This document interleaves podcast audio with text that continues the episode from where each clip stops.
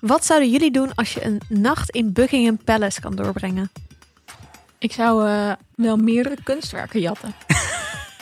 Ja? Niet een hele goedkope fles wijn drinken in elk geval. Oh ja, nee, ik, ik zou dus gewoon op zoek gaan naar de goede whisky. Want die moet Ja. daar zijn. Er moeten daar McKellen's liggen, meenemen, 1933. Da- daar ga ik op af. En dan vervolgens een paard uit de stal nemen en daarmee dat paleis weer verlaten. Dat zou ik doen. Dat zou wel badass zijn. Ja. Ik zou denk ik, beautiful en symbolic. ik zou wel op bedden gaan springen. Denk je dat die heel lekker zijn daar? Of heel verig? Maar gewoon het idee dat je in een paleis bent en dan zo op bed kan springen. Ja, dat is best wel leuk eigenlijk. Lijkt me leuk, lijkt me wel Ik vrolijk. weet dat toch allemaal zo, dat zijn hemelbedden. En dan stoot je je hoofd. Het is allemaal heel zacht. Als je niet al te hoog springt, niet. Gewoon een beetje met mate springen. Oké, met maat springen.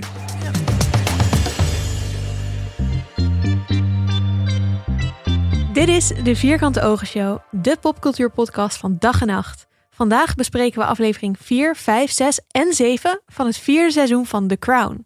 Want wij zijn fan. Ja, en het waren weer hele mooie afleveringen. Hè? Ja. Mooi. Wel, eh, wat, ik op, wat mij opviel in deze aflevering, dat je steeds een beetje die, die, het normale volk en een verhaal uit de Royal Family ziet. En dat de verbinding tussen die twee dingen steeds weer heel verrassend is. Ja, hè? dat doen ze sowieso door de hele serie heen, vind ik steeds wel heel Ja. mooi. Maar hier was het een paar keer echt dat ik dacht, wow, die had ik echt even niet aanzien komen. Vooral met die, ze- met die nichtjes. Dan Ja. ik, oh, de, de- deze volg ik even Ja. niet. Nee, dat was heel mooi en ook best wel vaak dat je dus een openingsscène hebt waarvan je denkt, waar gaat dit nou over? Ja, gaat het naartoe? Was echt goed gedaan. Ja, hè? Eh, ja, we gaan dus zo eh, de afleveringen bespreken. Maar dat doen we net als de vorige aflevering die we over The Crown maakten. Over aflevering 1, 2 en 3. Niet per aflevering, maar we halen eigenlijk de grote lijnen eruit. Ehm, daarnaast hebben we dus een aflevering gemaakt over de eerste drie afleveringen. En gaan we ook een aflevering maken over de laatste drie afleveringen. Dus het leukste is om ze net als wat je bij The Crown hebt gedaan, allemaal te binge luisteren. Net zoals het binge kijken. Ja. En we beginnen met het bespreken van eh, de familie. Hoe gaat het met de familie? Hoe gaat het met de queen? Hoe gaat het met de relatie met haar kinderen? Wat een kut Matig. En wat een kutrelatie. Matig, hè? Holy shit. Ja, We hadden het er vorige keer over dat, ze, dat het wel een gezellig gezinnetje was. Zo met z'n allen op die eh, eh, landgoederen Ja, spelletjes spelen. Ja. wel moral, ja. Maar Maar daar hadden ze wel echt die uitstraling naar buiten toe in elk geval alsof ze het gezellig hadden met elkaar. Maar dat viel deze keer even tegen. flink tegen. Eh, ja, ik. ehm, dus eh, eh, vooral die aflevering waarin eh, de Queen haar. ja, de favorites heet die aflevering ook. Haar favoriete kind gaat opzoeken. Maar er zelf nog niet helemaal uit is wie dat is. En Philip zegt: Nou, dat. dat dat Ik weet je het wel. wel. Ik weet het wel, ja. Ik vond het heel grappig, omdat die dynamiek tussen hun twee natuurlijk in de eerdere seizoenen best wel vaak een beetje gespannen was. En nu was het juist eigenlijk eentje waarin ehm, gewoon van, van elkaar gezellig en accepteren en ook wel steun zoeken vanuit haar bij hem later in de aflevering.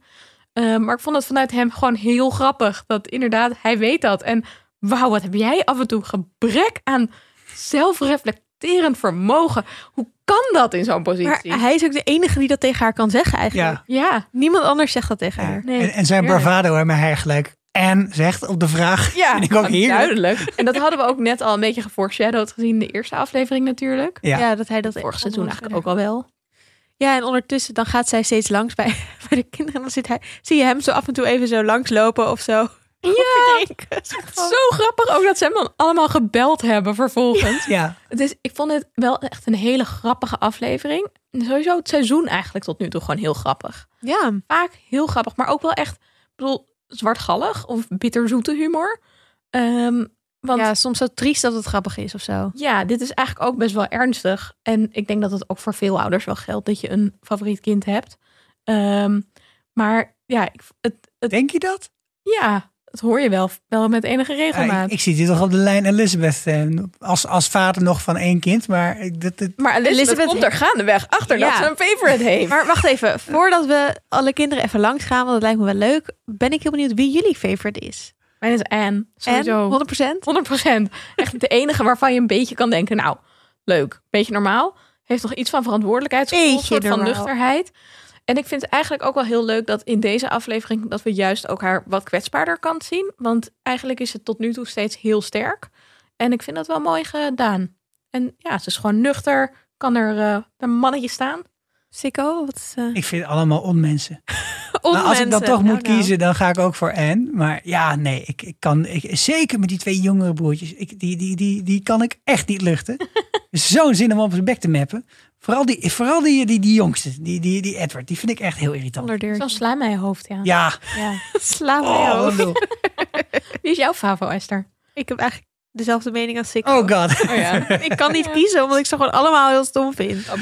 Maar, Ja, maar, maar die, de, de Queen zelf vindt ze blijkbaar zo stom dat ze memo's nodig heeft met hobby's. Als het gaat. Oh. Dat is toch verschrikkelijk. Maar ik ja, vond dat dus wel cool dat ze er uiteindelijk ook achter komt. Van ja, ehm, dit hebben we gewoon niet zo best gedaan als ouders. Eh, inderdaad. En dat wou ik even vragen, want Esther, ik heb laatst geluisterd naar Damn Honey. en toen zei jij dat jouw minst favoriete ding was dat je de Queen wel af en toe een beetje blamed dat ze niet zo'n goede moeder is. Hoe kijk je daar nu naar? Ja, ik, Dem Honey is een podcast waarin ze onder andere elke week bespreken wat het minst feministische was wat ze die week hebben gedaan of gedacht. Of... En ik was toen net The Crown helemaal aan het kijken en ik denk, oh my god, de Queen, zo'n slechte moeder. Maar toen zei ik in de podcast ook al van ja, kijk, ze heeft wel de, een van de zwaarste banen zou je kunnen zeggen op aarde, ook qua publieke druk en, en politiek en nou ja, al die dingen waar ze ook zelf verder niet voor heeft gekozen. Plus ze is gewoon een man. Waarom denk ik niet, waarom is Philip zo'n slechte vader? Ik bedoel, Ja. hij is, we hebben ook in het vorige seizoen gezien dat Charles juist van hem ook heel veel liefde verwacht en heel erg tegen hem opkijkt en dat hij daar gewoon Ja. heel slecht mee omgaat. Nul op de de eerste aflevering nog. Ja. gemerkt dat die man, hij heeft gewoon een hekel aan zijn zoon. Ja, terwijl, Hallo. ja, kijk, dat de Queen niet zo heel erg heel veel tijd neemt voor die kinderen, dat vind ik nog wel een soort van te beargumenteren. Maar Philip zou dat dan heel erg moeten compenseren, toch? Dus Ja. daar was ik mezelf even aan het, eh, aan het checken. Ja. Ze neemt het zichzelf ook wel kwalijk. Blijkt Ja, in deze uiteindelijk- in de vierde aflevering dan. Dat Ja. ze zegt van ja, ook, ook op de momenten waarvan ik mezelf had voorgenomen van nou ga ik er echt voor ze zijn. Was ik er niet. Zat ik achter in de kamer terwijl zij in bad werden gedaan door, hè, Ja. door de dienstmeisjes. Wat ik me overigens helemaal niet voor kan stellen. Dat je niet je kind in bad zou willen doen. Dat is een van de allerleukste Nou, dingen in de wereld. Ik eh, ben Ja, nu dus echt lachen. Ik heb ook wel van veel ouders gehoord van ja, zeker de eerste zes maanden is dat gewoon wel ja, het hoogtepunt van wat je met zo'n kind kan Ja, doen. Want ja, is doodeng, verder is het gewoon maar- heel saai. Ehm, ik eh, vond het grappig deze aflevering, want ik heb dus ehm, in voorbereiding voor de podcast gelezen Lady in Waiting, My Extraordinary Life in the Shadow of the Crown van Anne Glenconner. Eh, de hofdame van Lady Margaret. En haar boek gaat ook heel erg over haar relatie met haar kinderen. Ze had vier kinderen, nee vijf, ehm, waarvan er twee voor hun dertigste zijn overleden. En hoeveel spijt ze heeft dat ze die Margaret eerste... dan, hè? Nee, nee, nee. Dus Oh, die- Lady Anne oké, die- die, zien we ook in deze afleveringen, in de zevende. Ehm daar zal ik straks meer over vertellen. Maar die zegt dus ook over de eerste drie kinderen... dat ze daar eigenlijk, of de eerste twee... dat ze daar heel weinig tijd mee heeft doorgebracht. En toen het slechter ging met die kinderen... dat ze zich daar achteraf dus super schuldig over voelde. En de latere kinderen heeft ze, is ze veel betrokkener geweest bij de opvoeding... en heeft ze veel beter... Nou ja, goed, is ze veel betrokkener geweest bij het zorgen dat de nanny het werk goed deed. dat dan weer wel.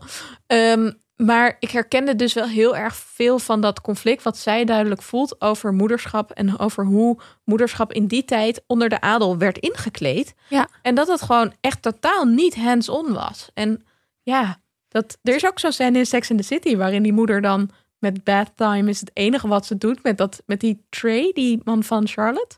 Hmm, Nou ja, kan me niet dus het deed me ook daaraan. Het is, het is een bepaald soort manier van omgaan met je kinderen, maar het is niet oké en niet leuk. Ja, kijk- zowel van moeder als van vader. Elizabeth is zelf ook zo opgevoed. Dus het is ook moeilijk om dat te doorbreken.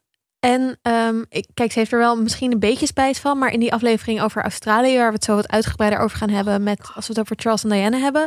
Maar ehm, hebben Philip en, eh, en eh, eh, de Queen ook een onderrondje. Ehm, van ja, je kind meenemen. Wij gingen gewoon, wat was het, vijf maanden weg zonder Ja. die kinderen. Doei. Ja, doei. Ja, maar dat zegt ze ook echt van... Waarom zou je je kinderen meenemen? Het is toch geen enkel probleem om ze thuis te laten vijf maanden. Dan zie je ook daarna Anne zo kijken van... Zou het er iets mee Seriously? te maken hebben, mama? Ja. Goed, over Anne gesproken. Ehm, Mag ik vertellen waarom ik haar zo leuk vind? Vertel jij waarom je haar Oké. zo leuk vindt. Nou, ik vind haar gewoon best wel cool. Omdat ze duidelijk wel weet wat ze wil.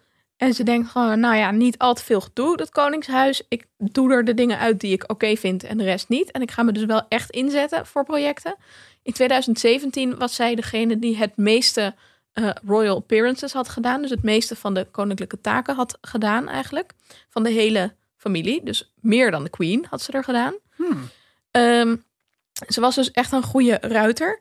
En eh, een leuk feitje is dat, nou ja, leuk feitje, een leuk feitje, is dat ehm, op een gegeven moment er een kidnappoging geweest is op haar. In 74 was dat. Ehm, waren zij en haar man bijna gekidnapt. Haar bodyguard en chauffeur plus een journalist werden neergeschoten door de kidnapper eh, Ian Bol. En eh, die zei vervolgens tegen haar dat ze uit de limousine moest stappen. En toen reageerde ze met not bloody likely. en toen is ze aan de andere kant van de limo eruit gegaan en gevlucht.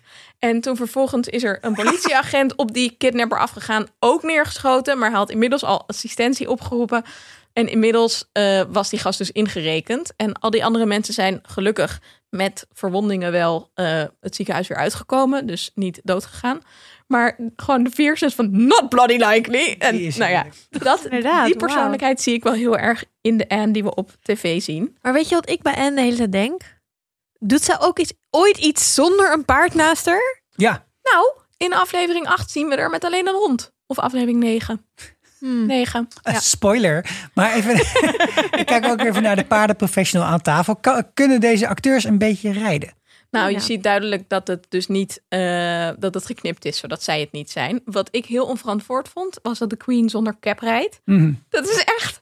Nou, als je dan valt, dan heb je dus sowieso een vet zware hersenschudding als het een beetje mee zit. Maar als je pech hebt, dan is gewoon eh, Project Bridge bla bla of zo aan de hand. London Bridge. Bridge is down. nou ja, dat. Dus dat vond ik niet zo waarschijnlijk. Eh, grappig feitje over Olivia Colman, die de Queen speelt. Die is dus heel erg bang voor paarden. Die houdt helemaal niet van paarden. Heeft er helemaal niks mee. Oh, Oh. grappig. Heel grappig, Want omdat... ze speelt het op zich best wel goed. Ja, en Ja. het is ook heel erg... eh, Ja, de Queen is wel een paardenlover. We weten inmiddels trouwens ook voor de mensen die onze undercover dinges geluisterd hebben.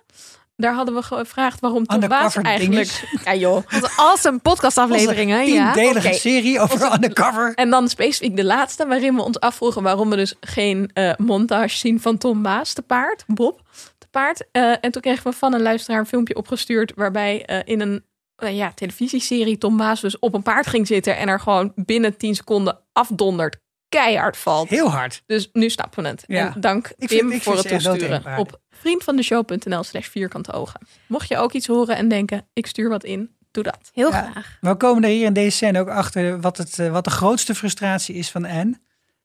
Huh. Ja, want ze was eigenlijk best wel goed met Diana. Maar nu ineens wordt zij alleen nog maar aan de lopende band ver- vergeleken met die knappe jonge Ja. Deerne. Moet frustrerend zijn voor Is haar. ze dumpy. Het is duidelijk heel erg frustrerend. Eh, Ja. Zeg maar, ook, ook, ook op het kinderachtige af. En dat blijkbaar is dat iets wat in de familie. eh, Ja. My god. do not outshine the royals, please. Ja. is niet de bedoeling. Maar het is ook kinderachtig, want volgens mij was zij juist ook best wel bezig met... oh, wat fijn dat ik niet al die aandacht heb, toch? En dat ze gewoon mee kon doen aan, aan die rijwedstrijden... zonder dat dat een probleem was. En nu is het opeens, oh ja... eh, nu eh, is de pers niet aardig tegen me en zijn ze alleen maar aardig tegen Diana. Ja, nou, Wat wil je nou? Wat volgens mij vooral heel vervelend vindt, is als je er geen moeite voor hoeft te doen, dat mensen dingen over je schrijven, met je bezig zijn, dan vul je jezelf super belangrijk. En nu hoeft Diana nergens moeite voor te doen. En zij Mm, kan, ja. dat zegt ze ook van, ik sla 16 waterputten in Senegal en er is geen haan die er naar kraait. Ja. Kan ik me wel iets bij voorstellen. Ja, en ook zij heeft dus wel af en toe uitgehaald naar de paparazzi. Dus ze had Ja. ook niet zo'n goede relatie meer met ze. Mm, Oké. Maar goed, ze heeft nu ook iets te verbergen. En dat is misschien ook waarom ze eh, wat minder op de hand is van de paparazzi. Want ze heeft dus een affaire. Ja, vonden jullie dat vrij eh, casual te shocking? Ja, heeft ze nou een affaire? Heeft ze een three-way affaire of heeft ze een two-way affaire? Want wat ze hebben, ze, die, Wat de ze- koningin zegt het alsof die, die andere persoon met hun twee meedoet.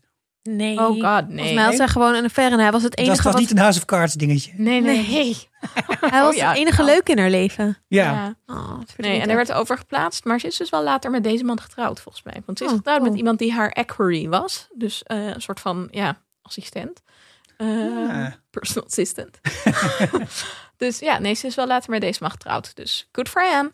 Ik vond het ehm, niet zo shocking, omdat het dus, omdat iedereen dat dus Iedereen doet. heeft affaires. Ja. En het laat gewoon weer zien, weer zo'n huwelijk wat gewoon totaal niet lekker loopt en waar mensen allebei heel ongelukkig zijn. Zo Ja. erg. Ik vond het dus wel typisch, ook in het boek wat ik lees. Iedereen heeft affaires en iedereen accepteert het tot op zekere hoogte. Zolang je er enigszins discreet mee omgaat. En zolang je de ander dus niet voor de keuze stelt om uiteindelijk dus een andere partner te kiezen. En dat is wat zij dus wel doet. En dat is wat het dan shocking maakt in de ogen Mm. van de adel. Ja, Eh, volgende bezoekje is eh, ehm, Edward, die bij haar op bezoek komt. Ja. Bij, bij de Queen op bezoek komt. Komt lekker lunchen. er zitten zij Salmon. Ja. Elke keer hetzelfde. Oh, ik moest er wel om lachen. Hij wordt gepest en dat deed mij heel, heel veel goed. Zo gemeen.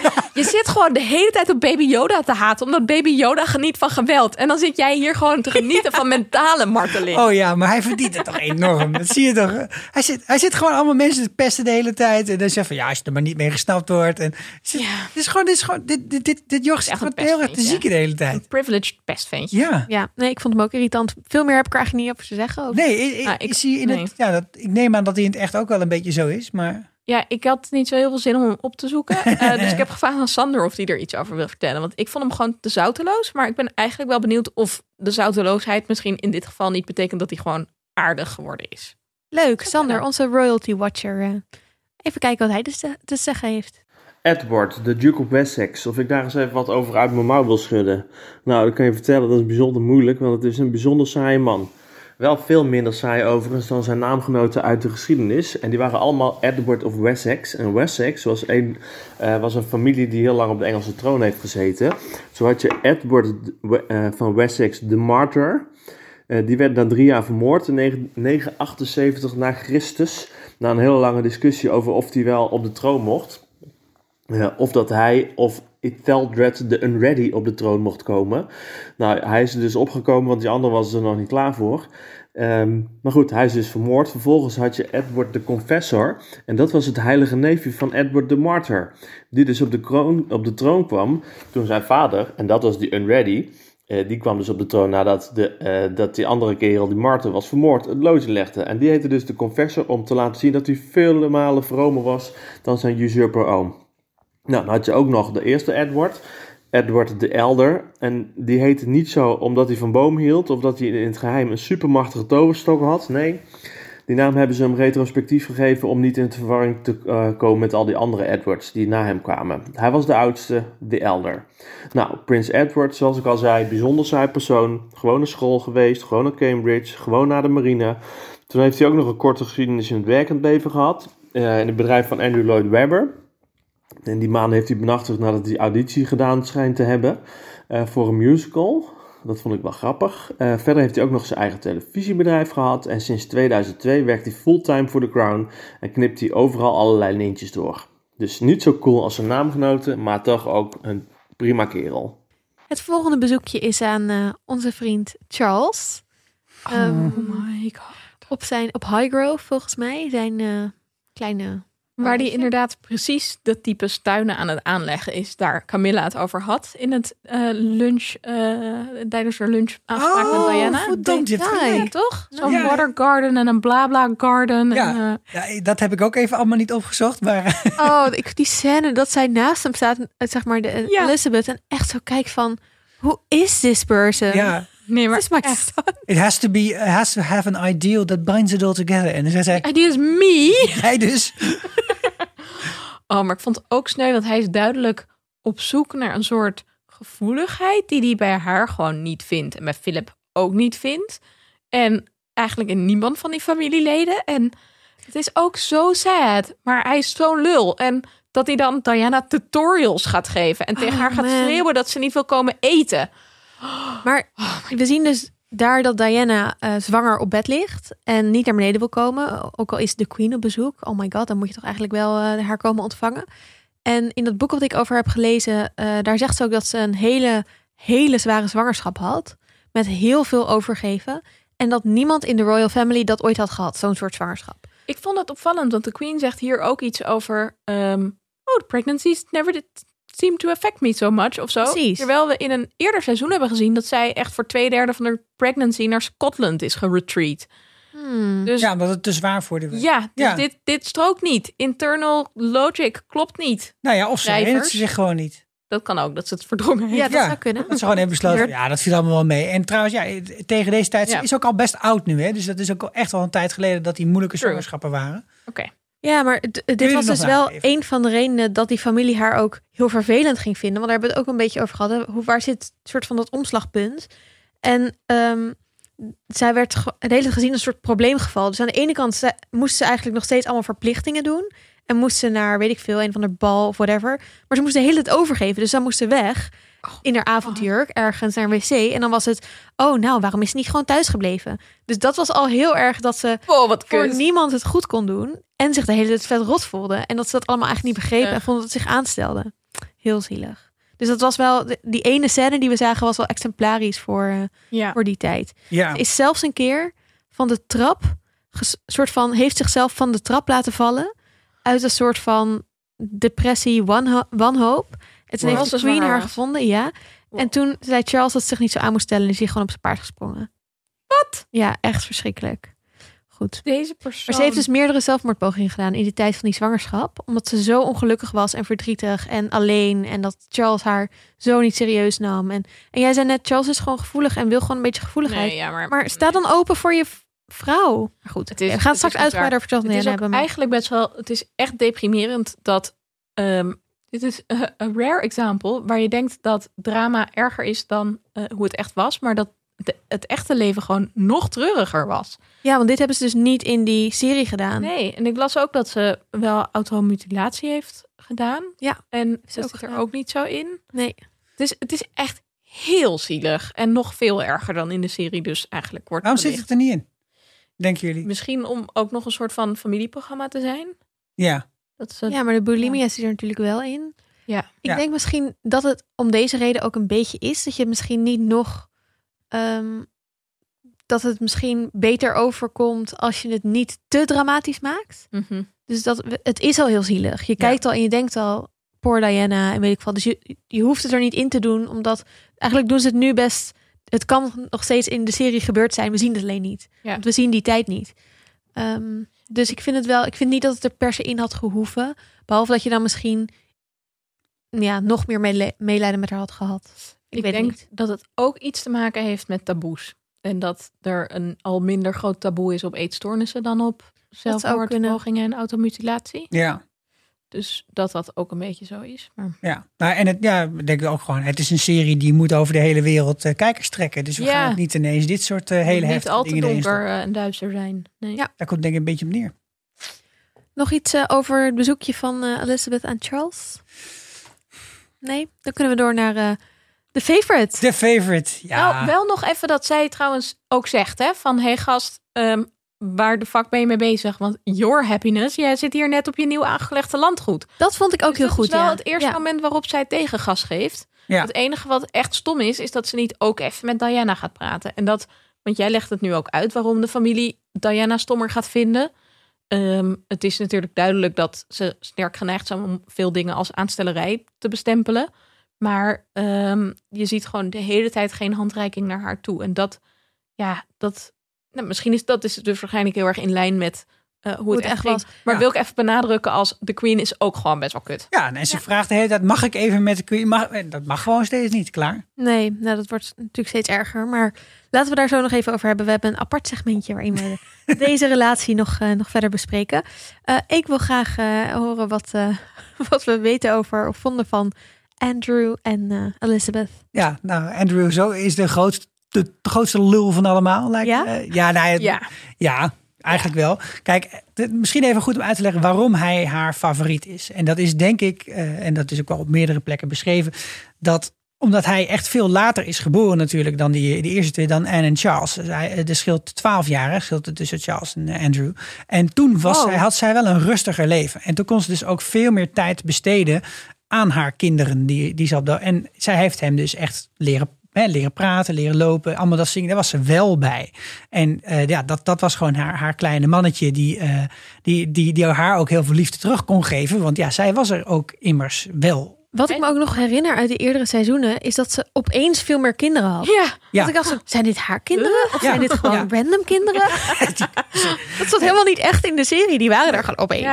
Nee, en, en, maar deze, hij vindt zichzelf ook helemaal fantastisch. Dat blijkt ook evident hier Aha. uit de serie. En eh, nou ja, hij wil het dus ook al over zijn titel heven- hebben voordat hij überhaupt getrouwd is. Hij is de tweede in lijn voor de kroon. Hij, zo ziet hij die dingen. En ja, het is gewoon een heel arrogant baasje. Is hij op zijn achttiende of zo aangemeld voor eh, de Royal Navy. Is daar eh, al na een beetje training ook gelijk gaan vliegen. Waarom is hij de tweede in lijn van de kroon en niet Anne? Eh, ja, omdat als vrouw kom je nog steeds later dan je broers. Wow. Seriously? Oh, is. Oh just, my god. Just the facts. Just the hard facts. Yes. Ja, dus nee, daarom is het voor hem zo belangrijk om het daar ook over te hebben. Eh, en het schijnbaar, hij doet net een beetje andere begroeting dan alle andere kinderen met haar. Met die handjes allebei vasthouden. En, dan, en Oh, dat, ja. dat is ook een dingetje wat ze tot op de dag van vandaag nog steeds doen. Eh, dat mommy is ook heel erg bij hem erin geslopen. En als bewijs ook voor hoe erg favoriet hij is.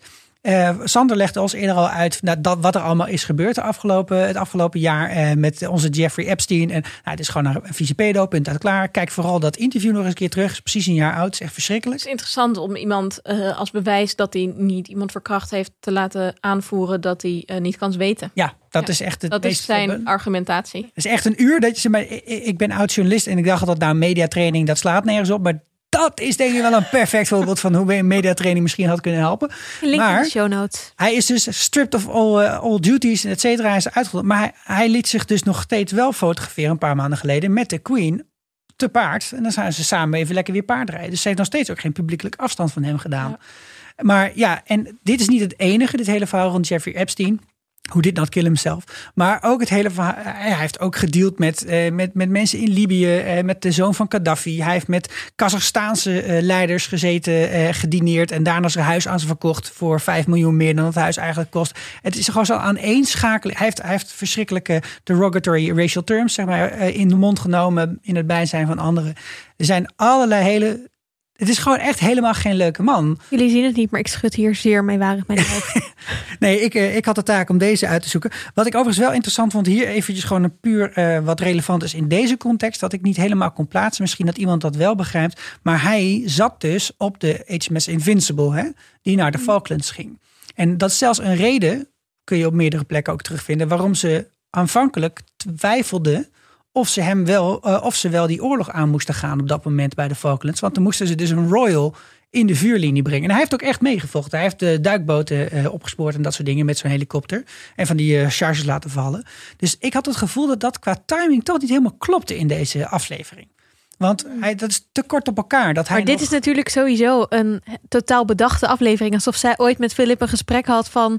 hey, eh, wie is eigenlijk mijn favoriet? Ja. In ieder geval, het lijkt me dat dit gewoon een, een manier is van de makers van The Crown... om dit zo uit te zetten. Ja. En ook om, een, om nu al iets te doen met die verhaallijn rond Andrew. Omdat dat natuurlijk in de media geweest is, konden ze daar denk ik niet Ja. meer omheen. Dus ik denk dat ze anders minder aandacht... Want inderdaad, zoals jij zei, die laatste twee kinderen zijn niet geïntroduceerd in eerdere seizoenen. En dat gebeurt nu eigenlijk pas. Ja, dat is wel een slimme manier om dat te doen. Nog een laatste belangrijk feitje. Eh, hij heeft een eh, single digit golf handicap. Prins Andrew. Oké. Is dat heel goed? Dat is heel goed. Ja, dat is echt heel goed. Eh, eh, dat, maar waarschijnlijk niet zo laag als Donald Trump, die een 2,8 handicap heeft, maar daar lijkt hij over te liegen. Nou. Overigens heeft hij 278 keer gegolfd in zijn presidentschap. Oké, wat ik heel interessant vond aan eh, hoe dus dit wordt opgezet, is een beetje de suggestie van, ja, eh, de Queen was bij die eerste twee geen hands-on mother. En dat maakt haar een slechte moeder. Maar bij die tweede twee was ze dus wel een hands-on mother. En die ene is echt super kut geworden. Dus Die andere of was ook niet nou fantastisch. Heel erg Nee. spoiled. Nou, ja. dat vond ik dus wel weer een soort van grappig soort omdraaiing van, Ja. oké, maar die moeder, die, ze doet het gewoon niet goed. Nee, en Dit is je favoriet? Misschien is het ook nog wel. Nou ja, dus dat favoriet. Kijk, die, vooral Charles natuurlijk, maar Anne eigenlijk ook een beetje. Die schreeuwen allebei om die aandacht die ze nooit hebben gehad. En Ja. bij Andrew zit dat toch een beetje anders. Die is ook. Hij, praat, hij neemt erg vulgarities in de mond. Hij scheldt en hij doet hele rare dingen. Komt zo heel parmantig aan met die helikopter. En dat vindt ze dus eigenlijk wel leuk. Ja, De Queen, omdat hij dan toch een wat meer bravado heeft dan. een beetje stoerder. En, eh, Ja. ja. Ja, ik weet niet. Ik denk dat, eh, dat we nog wel wat meer van Andrew gaan zien de komende seizoenen. Ehm, nog iemand die we, die we in deze afleveringen ehm, ja, veel zien. Eindelijk, ik zal, zal Sico zeggen, Oh god joh, ik zat echt te wachten op de aflevering met Ja. Margaret. is Margaret. Ehm, en het, het begint met haar natuurlijk weer Margaret in een soort van liefdesrelatie of niet. Iets. Dazzle, Dazzle. Dazzle. a friend of Dorothy, wat dus code is voor hij is gay.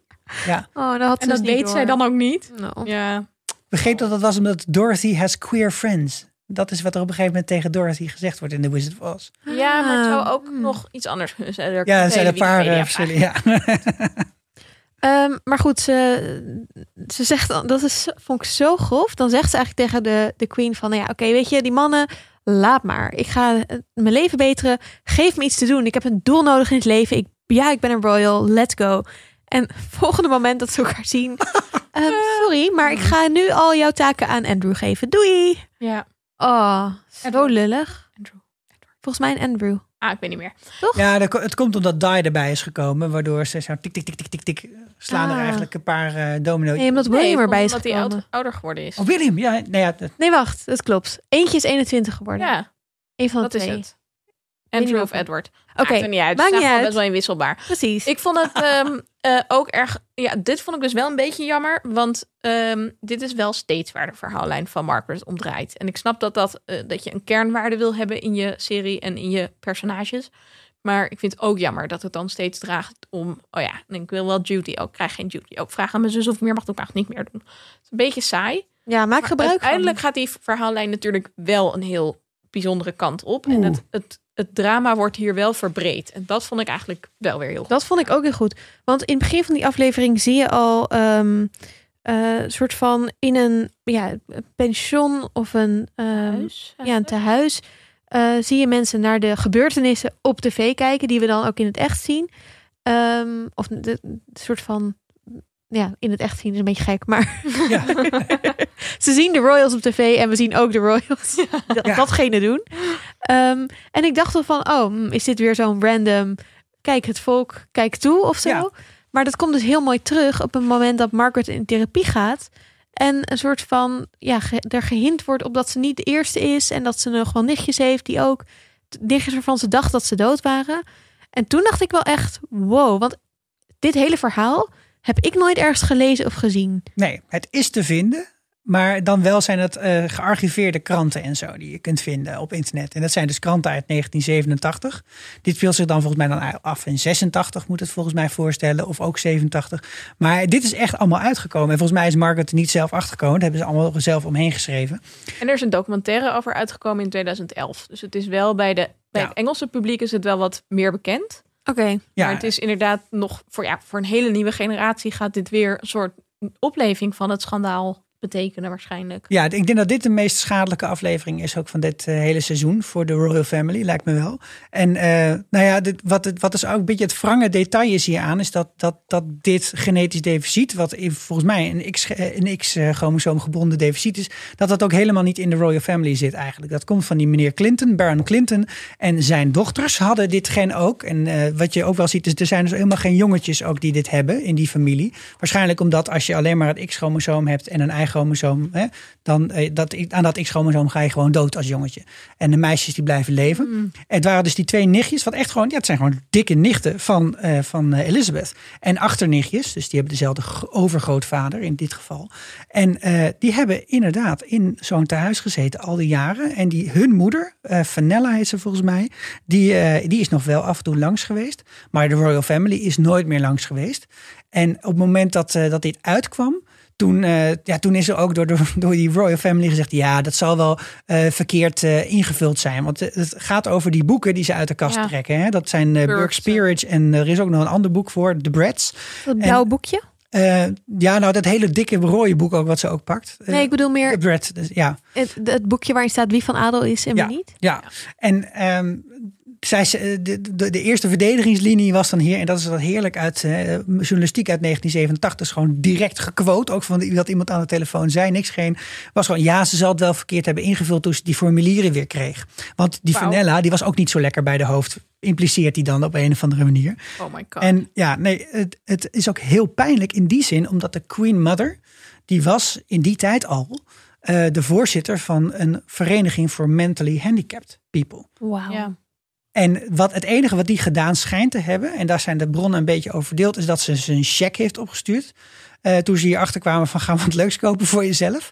En ehm, dit kwam ook uit, de jongste van de twee, eh, die, die was net overleden. Die is in 86 overleden. En eh er is ook wel een grafsteen van te vinden. En dat, ja, het, het saillante detail daarvan was dat daar dan een plastic tag aan hing met haar naam. En dat was het. Wauw. Dus in een zogenaamd pauper's grave, of zeg maar een, een graf voor de armen, wat eh, hè, daarin is ze begraven. Ik vond het ook zo zielig dat die andere dan nog heel lang leeft. Omdat Ja. je ze steeds in de afleveringen ook van met z'n tweeën, dus Catherine en Nerissa, ziet geportretteerd. En dat die ene dan nog echt tot 2014 of zo Ja, leeft. zeker. Heel oud geworden. Maar het zou dus wel kunnen dat Elizabeth en Margaret dat echt niet wisten. Vind ik reasonable. Zou kunnen. Je maar ook ja, vanuit het schrijven van de serie moet je het ook eigenlijk wel zo doen. Want anders heb je gewoon geen sympathieke personage meer over. Nee, daar zijn ze op. Ja. Nee, maar is het ook... eh, je zegt dus, het is niet waarschijnlijk zo gegaan dat Margaret dat eerder ontdekte dan... nee, dat, nee, dat, dat stuk dat, dat zijn wel met die Dazzle er naartoe gaat, dat lijkt mij niet waar. Maar Maar het was wel een fantastische scène dat zij die Queen Mother confronteert met Ja. Hoe belachelijk het is. Ja. Dus eerst op dat strand, en dat vond ik echt een fantastische scène. Van, echt van beide ook. Dat, dat, dat sneed door Zo merg en been. Ja. Maar wat ik echt heel erg heftig vond, was ook die scène daarna dat ze eventjes gewoon rustig eh, een glaasje erbij hebben gepakt en op de bank zijn gaan zitten. Wat de Queen Mother daar zegt. Can you imagine the headlines if it were to get out? What people would say. The hereditary principle already hangs by such a precarious thread. Throw in mental illness, and it's over. The idea that one family alone has the automatic birthright to the crown is already so hard to justify. Ja, dit geeft wel echt aan dat die royals, eh, zeker in die periode waar ze het over heeft, maar eigenlijk ook nu nog steeds, toch wel doorhebben van eh, dit, is, hè, dit is een, moet een soort mystiek bestaan. En in die mystiek kunnen wij niet de bad guys zijn. Dat is gewoon onmogelijk, want dan is het voorbij. Er mag gewoon geen twijfel zijn Nee. over of, of wij misschien problemen zouden hebben. Maar dat vind ik lekker meta, want dat zit in een dramaserie over hen. Ja, Ja, soort van, ja, Nou ja, eh, denk was je, het. Denken jullie dat ze het doorhebben? Of dat, eh, zeg maar, hoe, hoe, hoe is hun contact met de werkelijkheid? Dus snappen zij dat het gewoon raar is dat er iets bestaat zoals een royal family die beter is dan de rest? Of- ja ik, denk het, ik denk dat ze zich heel bewust zijn ehm, met het aftreden van eh, de broer van, van George, dus Edward heette die, de zevende. Mhm, ja. Ehm, dat ze zich heel bewust zijn van hoe precair die situatie was. En van ja, hoeveel koningshuizen er gesneuveld zijn in de afgelopen 200 jaar. Ja. ik denk het ook. Daar zijn ze zich super bewust van. Absoluut, ja. ja, ik denk dat dat ook de grote angst is eh, op het moment dat, eh, dat Elizabeth overlijdt. Ja, Zeker. zeker. Holy shit, wat gaan we dan doen? Ja. Nou, en terecht denk ik. Maar dat, nou ja, we kunnen het nog, nog wat langer hebben over republikeinheid of niet. Wat Ehm, ik wel leuk vond was ehm, dat Margaret, ondanks dat ze hier allerlei hele pijnlijke ontdekkingen doet, dat ze wel probeert in elk geval ook om aan zichzelf te werken en ook om een ander soort geluk te vinden misschien. Ze gaat natuurlijk, dit komt tot, ja, eigenlijk eh, op gang omdat ze in therapie gaat. Ja. Ehm, herkennen jullie de therapeuten? Nee? De moeder van eh, Bridget in Bridget Jones. Oh ja, ik herken Oh, er wel, maar ik wist niet waarvan. Ja, nou, dat is wel grappig. Ehm, ik heb nog iets grappigs over de ca- eh, casting. Dat is dat Helena Bonham Carter, die dus Margaret speelt, die is familie, namelijk het nichtje van de man die we op dat eiland in die auto zien zitten. En dat is Colin Tennant. Nou, dat is een hele rijke eh, dude die getrouwd was met die Lady Anne Glenconner, dus de hofdame van eh, Margaret. En we zien dus haar op een gegeven moment op dat eiland komen. En daar hebben we ook het vorige seizoen een paar scènes gezien. Ehm, onder andere waar Margaret dan uiteindelijk met die jonge jongen, die Roddy, een eh, relatie krijgt. Die relatie heeft echt zes of acht jaar geduurd of zo. Super Dat lang. eiland, dat tropische eiland bedoel je Dat dan? tropische Ja. eiland, dat is in de West-Indies. Ehm, en dat heet Mustique. En dat is dus gekocht door die Colin. Ehm, en opgeknapt. En nou ja, er is een soort van speelparadijs voor de rijken van gemaakt. Zijn allemaal van die parties. Die zie je ook aan het eind van de aflevering. Zie je Margaret daar heel hard zingen. Maar er waren dus allemaal parties met Mick en Bianca Jagger. En allemaal dat soort ja, sterren.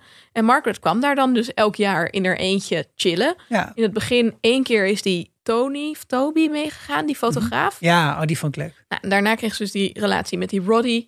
Ehm, en uiteindelijk is ze gescheiden van die Tony. Dat hebben we vorige seizoen gezien. Ehm, maar die Anne heeft dus een boek over haar... Of heeft een boek over haar eigen leven geschreven... waarin ze dus ook heel veel vertelt over Margaret... en hoe zij was als persoon.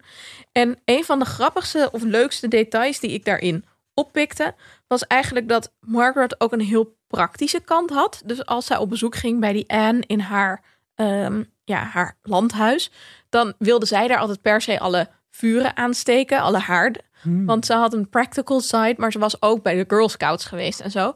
Maar ze gaat dan dus altijd, echt zo, ja, ze hield gewoon heel erg van, ja, mundane activities. Dus ja, dan ging ze de, de, de, de boekenkast ging ze afstoffen en mijn eh, kroonluchter uit elkaar halen en wassen in de badkuip. Dat je denkt, wauw, Dat is niet echt een marker die wij zien, hè? Nee. dat zien we dus helemaal niet. Maar ik kan me zo goed voorstellen als enigszins, als niet eens extreem praktisch ingesteld persoon, maar als persoon dat heel veel plezier haalt uit koken. Gewoon simpele dingen doen voor jezelf en voor Ja. anderen. En dat je zo'n leven leidt waarin alles geregeld wordt. En dat vanaf buitenaf, het ziet eruit, het is een leven van privilege. Je hebt dat privilege. Je mag van alles wat andere mensen niet mogen. En tegelijkertijd mag je zoveel shit niet. En kan je zoveel shit niet. En ja, dat vond ik dus wel een mooi inzicht uit dit boek. eh, van wat voor dingen zij misschien had willen doen. Naast het feesten wat ze wel doet in deze afleveringen. Laten we dan even wat, eh, wat fun facts bespreken die eh, misschien niet helemaal over de afleveringen gaan, maar wel wat leuke achtergrondinformatie eh, hebben, zijn, bevatten. Kom maar door, wie heeft er eentje?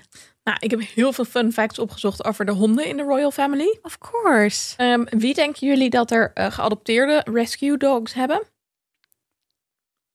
En, Nee. Ehm, Meghan Markle, uiteraard. Want zij oh, de cool. huidige, ja.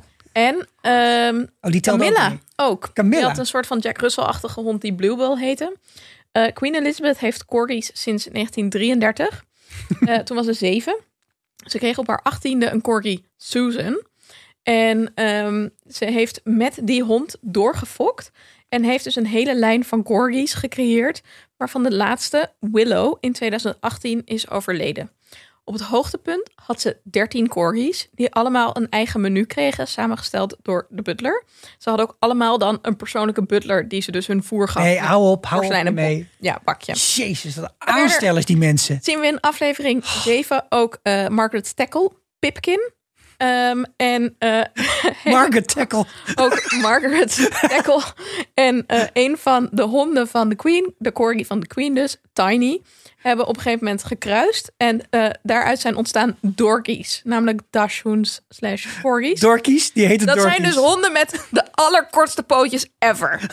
Het is meer een soort rups. Ja.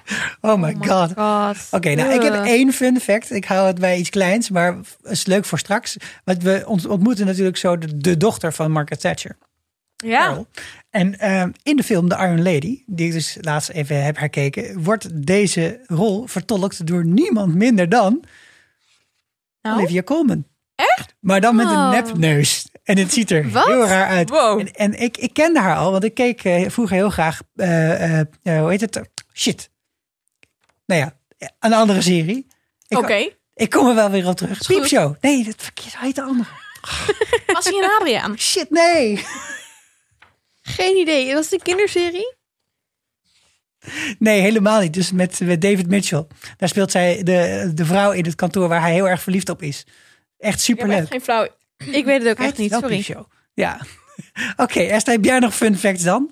Ik heb een fun fact dat ehm, Diana vertelt in dat boek dat ehm, Charles eh, alleen maar hele lelijke pyjama's had van ehm, AirTags. en dat moest ik even googelen. Want ze zegt het als soort, ja, had alleen maar AirTags pyjama's. Alsof het soort van een ding is. En dat is dus blijkbaar echt een soort, ja, jaren 50, 60. Je kan het nu nog kopen als een soort van vintage ding. Van die hele brave, stijve pyjama's. En dat zij dan nieuwe pyjama's voor hem ging kopen. En dat hij daar dan wel heel blij mee was.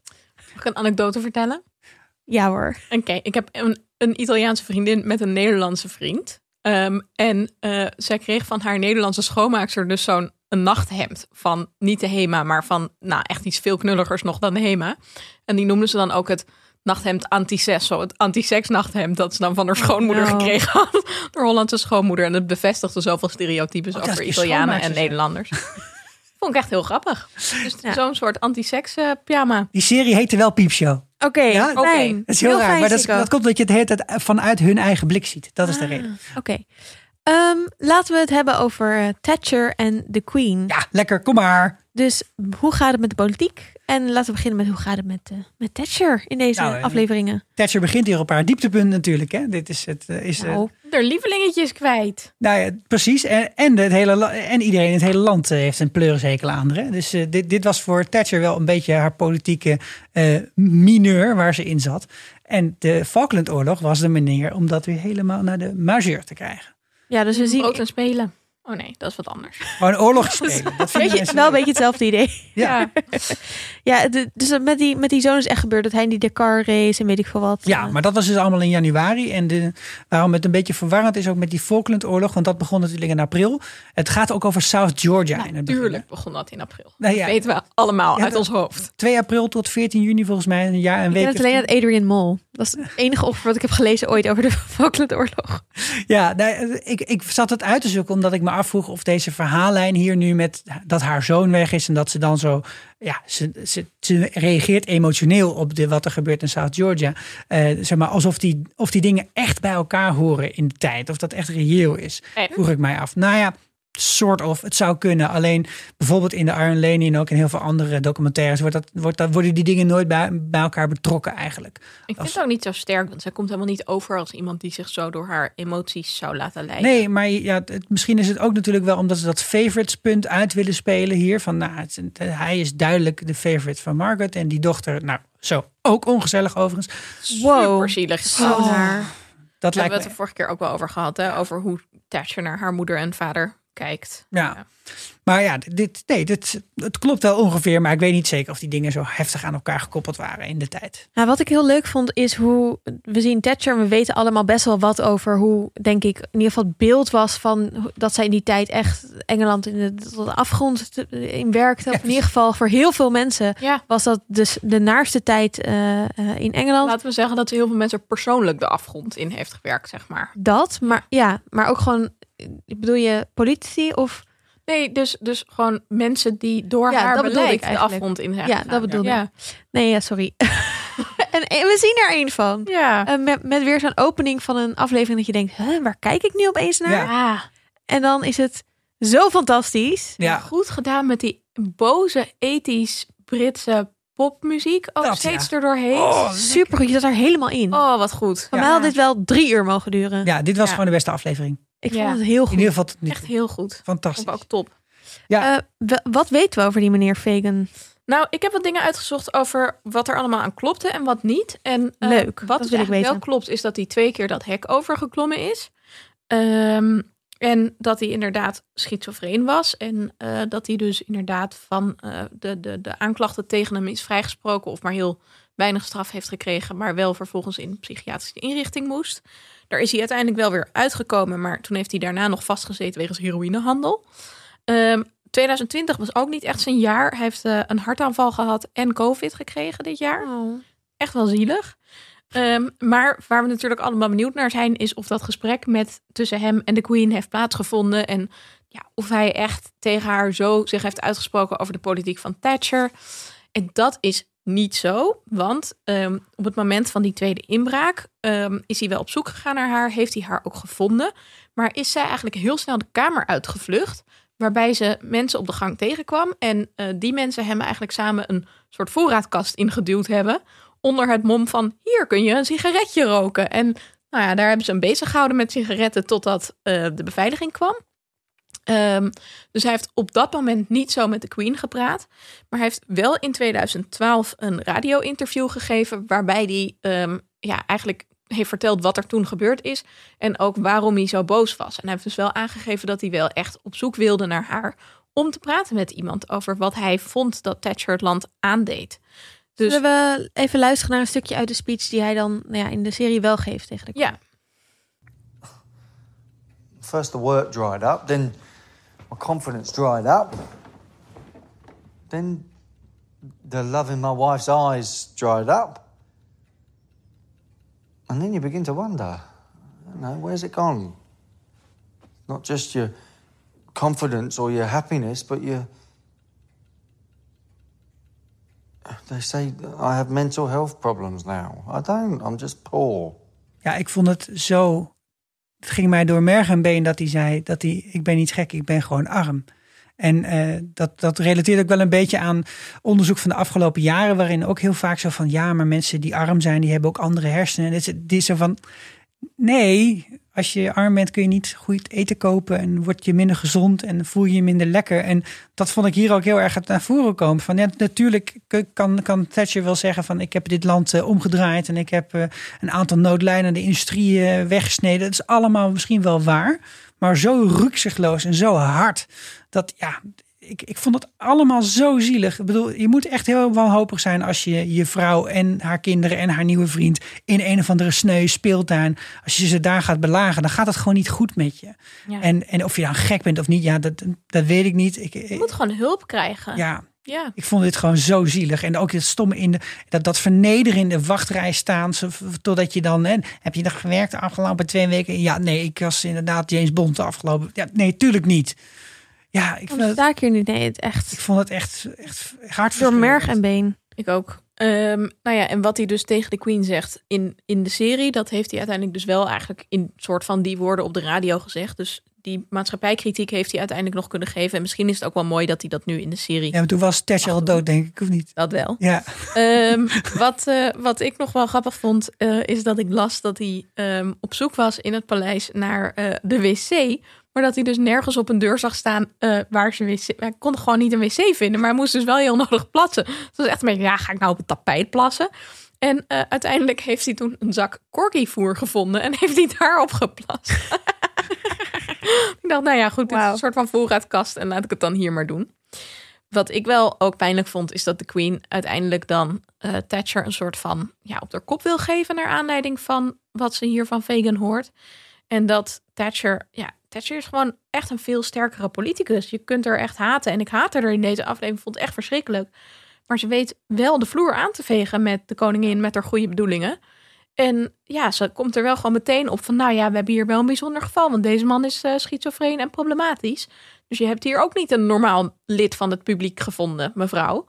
En Nee. Oh, die comeback en het is zo hard en die opstelling, het is zo hard en zo naar en oh, Ja. Ja, en ik maar vond- ook, ja, sorry, echt wel terecht ook in de richting van die Queen. Omdat ik in die afleveringen zie je haar zo van, nou, de is de eerste keer ingebroken van, nee, maar ik hou van het volk. Nee, ik vind Ja. het echt geweldig. Handschoen aan.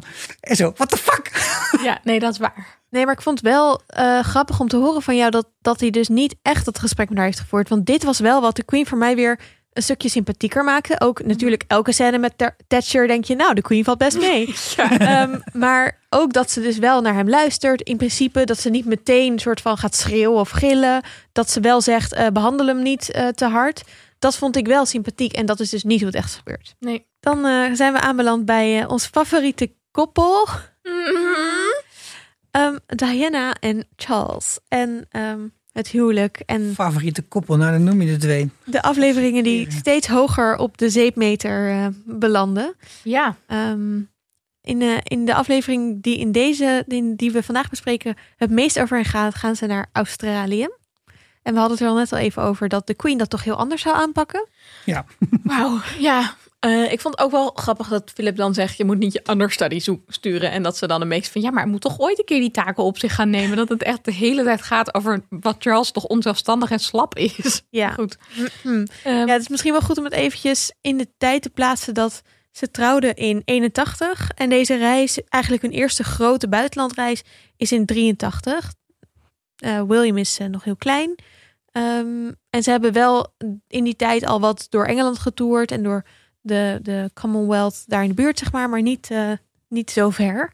En wat ik wel grappig vond, we hebben, ehm, we zien natuurlijk best wel veel over haar strijd om William mee te mogen nemen. Maar in het boek zegt ze dat ze juist credit wil geven aan ehm, de ehm, premier van, of minister-president, premier, president van Ja. Australië. Van, ja, volgens mij ik weet echt niet hoe je hem die hebben een prime minister. de prime minister eh, van Australië. Dat is niet degene die, die eh, zo zegt van eh, ja, het koningshuis, ze moeten maar opflikkeren. Maar degene daarvoor, die heeft hen uitgenodigd. En die heeft gezegd, die heeft hen, haar aangeschreven van... hey, jullie zijn een gezin, je hebt net een jong kindje, wil je die niet meenemen? is toch veel leuker? oh, En dan zegt Charles, nou, dat lijkt me eigenlijk wel, lijkt me wel gezellig, want dan kunnen we wat langer gaan. En dan gaan we ook naar Nieuw-Zeeland, dus laten we meenemen. En dat is echt best wel iets uitgebreid dat ze in het boek vertelt. Ook, Ja. ook om aan te geven dat Charles Niet alleen maar kut was. precies... Nee, maar was, dat idee, was het idee wel om, om dan alsnog eh, William achter te laten bij een, eh, een nurse eh, en dan weer weg, en dan weg te gaan? Ja, het, het klopt wel dat ze daar een, een soort van plek hadden waar hij bleef. En dat ze dan af en toe wat langer weg waren en af en toe wat korter. Oké, Dus ehm, ja, het was wel zo. Dat, dat, had ze, dat vond ze misschien wel moeilijk. ja. Dat staat niet zo expliciet in het boek, maar ik kan me dat wel voorstellen als jonge moeder.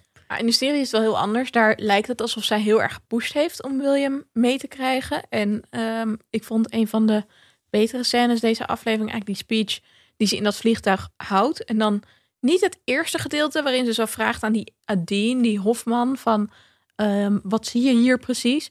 Maar meer het tweede gedeelte waarin ze ook omschrijft wat zij ziet als haar taak als de Princess of Wales. Laten we daar even naar luisteren. Is that this child is not just beautiful, this child is perfect in every single way. So why should you expect me, as his mother, to be without him for one second, let alone two weeks? Because you married the Prince of Wales, ma'am. And that is an act of service to the crown and to the country which you signed up to willingly and with open eyes. And you are the Princess of Wales. And the greatest act of service that I can give to the crown as princess is not to be some meek little wife following the great prince around like some smiling doll, but to be a living, breathing, present mother, bringing up this child in the hopes that the boy that will one day become king still has a vestige of humanity in him. Because God knows he's not going to be getting it from any of his courtiers. Hey, en ehm, uiteindelijk komen ze dan tot een soort van compromis. Hij eh, zou eerst dan korter verblijven op die farm dan de bedoeling was. Maar zij vindt het uiteindelijk toch te moeilijk. En ze wil meteen weer terug naar, naar hem. Ehm, en daar is dan ook een scène waarin Charles en Diana dichter naar elkaar toe groeien. Ja. Wat vonden jullie van die scène? Ja, nou, het deed me heel veel goed, omdat ik net alweer eh, 40 uur eh, naar dat gedrein had zitten kijken. Dus ik vond het wel leuk dat het eindelijk weer eens een beetje gezellig werd. ik vond het wel heel idyllisch met zo'n lammetje er ook bij. Take, take it easy. Ja, nou precies. You don't have to be Jesus all the time. Maar het, ik moet zeggen, dat was wel een verademing. Ja, ik kan me wel voorstellen dat als je op een andere plek bent waar alles niet, waar je niet in zo'n paleis zit, waar je niet altijd die familie om je heen hebt, waar je niet de pers de hele tijd, ik bedoel, op dat landgoed staat ze best wel rustig, leek het. Ja. Dat dat wel kan helpen om even clear the air of zo. En het was ook, en dat is volgens mij iets wat heel belangrijk is om vaak in een relatie te doen, om echt even de waarheid tegen elkaar te zeggen, hoe je je echt voelt en wat je daar kan doen. Dat deden ze, dus daar had ik hoop. Ehm, maar ik vond het heel pijnlijk om te zien dat dat al heel snel eigenlijk helemaal ineens stortte. Omdat Charles gewoon een klein, zerig eh, kind is. Wat er niet kan hebben als hij niet in de spotlight staat. Ja. Want dan doet ze haar best en dan gaat ze mee met alle dingen. En dan is ze zeg maar de trots die aan zijn hand kan lopen. En dan wordt ze super populair. En dan, eh, ja, dan is het, een, is het, vindt Charles het niet meer leuk. Ja, ik heb daar een. eh, er stond een stuk in het parool over Prins Charles en zijn modegevoel, geschreven door Fiona Hering. En daar staat ook in dat vorig jaar dat hij dus ook een enorme woedeaanval had toen Harry en eh, Meghan in eh, een tv, een heel belangrijk tv-interview gaven tijdens hun tour door Afrika. En daarmee alle media afle- aandacht afleiden.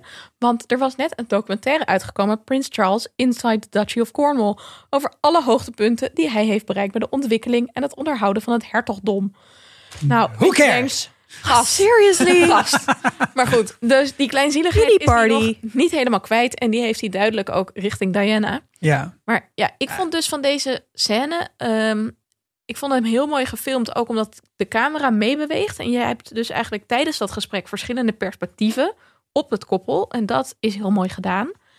Maar het lijkt te snel te gaan. Het lijkt alsof ze zo snel tot een verzoening komen. En misschien is dat ook wel tekenend voor hoe hun relatie was. Dat ze af en toe ineens heel erg naar elkaar toe weer konden groeien of zo. Maar ik vond dat als kijker wel dat ik dacht... gaat wel heel rap dat je ineens elkaar weer zo begrijpt... als je net jarenlang teleurgesteld al in elkaar bent.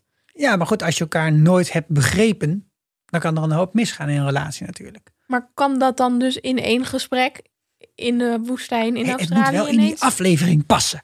Kun je toch ook twee scènes maken? Eentje waarin ze een soort van...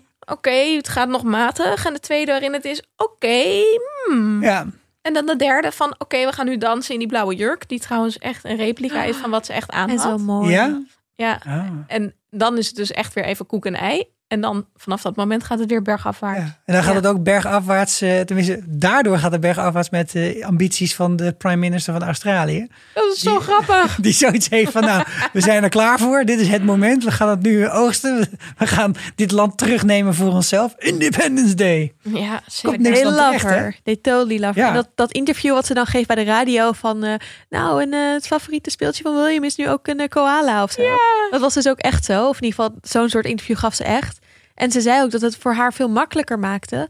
Dat iedereen de hele tijd vroeg, oh, is het met de kleine prins? En dat ze dan steeds een soort van iets had om het over te hebben... waar ze ook echt heel erg van houdt en enthousiast over is. Wat eigenlijk steeds het ijs brak voor haar bij al die moeilijke presentaties en zo en, en meetings. Ehm, dus dat was eigenlijk ook dat William May was echt haar lifesaver. Ja. Goed. ja, de Australiërs hebben trouwens nog wel één keer geprobeerd hè, om eh onderuit te komen. In 1999 hebben ze een referendum gehouden, maar dat referendum dat is, eh, ja, dat is nipt gewonnen door de No-partij, ofwel de partij die niet af wilde scheiden met 54 procent. Eigenlijk Ja, 55. 99 is net na de dood van Diana. Ze dachten, we moeten nu, eh hoppa. Populariteit was Ja, juist had- heel hoog van haar toen. Ze hadden toch even moeten wachten nog. Ja. Ja. Nou ja, Ik heb je- nog een, eh, nog een mini fun fact. Eh, Vertel. Het paard waar Charles oprijdt en vanaf valt, dat heet Apollo. En Apollo in de klassieke mythologie is de tweelingbroer van Diana. Vond ik gewoon grappig. Hij een soort van de val van Charles zei, de val van... Ah, wow, ja. leuk, leuk toevallig detail. En ze spelen daar dus steeds mee. Dat, dat vind ik grappig. ik vond dit ook een leuke aflevering, omdat het even een beetje een standalone-achtig is. Dus die hele reis. En het vatte best wel goed samen, denk ik, hoe eigenlijk al die jaren tussen eigenlijk nu en de volgende afleveringen die we gaan zien over Charles en Diana, zij ehm, elkaar soms misschien wel een beetje vinden. Eigenlijk wat jij zei, die pieken en die dalen. Eh, maar over het algemeen gewoon Diana steeds populairder wordt qua... Zij is de hippe, jonge, vrolijke prinses. En hij is gewoon een best wel saaie, stijve, eh Ook als je hem ziet uit die tijd, jongen. Met, hij, heeft, hij heeft natuurlijk al een lang gezicht, maar hij trekt ook alleen maar lange gezichten. Hij is, het, Ja. het is, het is, er sprankelt niks aan die vent. Precies. Maar het grappige is, want je ziet wel ook ehm, op het moment dat hij even doorbreekt, en die acteur kan het wel heel goed spelen, dat hij dan eigenlijk best wel knap en leuk. Ja, En hij is dus ook Die acteur. heel lang. Ja. de acteur is leuk en, en knap. Maar Prins Charles is dus ook heel lang door heel veel vrouwen echt wel begeerd. Als zijnde een knappe vrijgezel met Sexy Bachelor. Ja. bijzonder eh, eh, stijl en smaak. En nou ja. het moment waarop ik me dat echt voor kan stellen, in ieder geval binnen deze serie, is het moment dat hij die fantastische grap vertelt samen met Camilla. Want hij zit enorm veel plezier te hebben. Hij kan heel leuk dat acteren. Ze doen dat echt fantastisch met z'n tweeën. En ik heb heel hard gelachen om de grap. Ik wel. Ja, jullie niet. Ik wel. Ik vond hem grappig. oké, Hè? Seks met een beer. Nou, kun je mij opveren. Eh, laten we daarbij afronden. Leuker dan dit. weer een goede grap. Een goede grap. Oké. Ehm, wij vinden het hartstikke leuk als je eh, laat horen wat jij vond van deze aflevering. Of de volgende afleveringen. eh, of het hele seizoen. Dat kan op vriendvandeshow.nl slash vierkante ogen. Daar kan je ons ook een donatie geven. Zodat wij, net als de vorige aflevering, weer lekker met, eh, met gin tonics kunnen podcasten. Nou, en tijd kunnen vrijmaken om te researchen. Ik zal in de show notes ook nog eventjes wat zetten over die twee nichtjes. Daar stond een heel goed stuk over op, eh, op Vanity Fair deze week. Waar het allemaal samengevat werd. Die show notes kan je ook lezen op vriendvandeshow.nl slash vierkante ogen. Dus dat zit allemaal lekker makkelijk bij elkaar. En ehm, nou, dan gaan wij eh, gaan we straks eh, verder. Op naar 8, 9 en 10. Precies. Dan zijn we er alweer. Tot de volgende aflevering. Doei!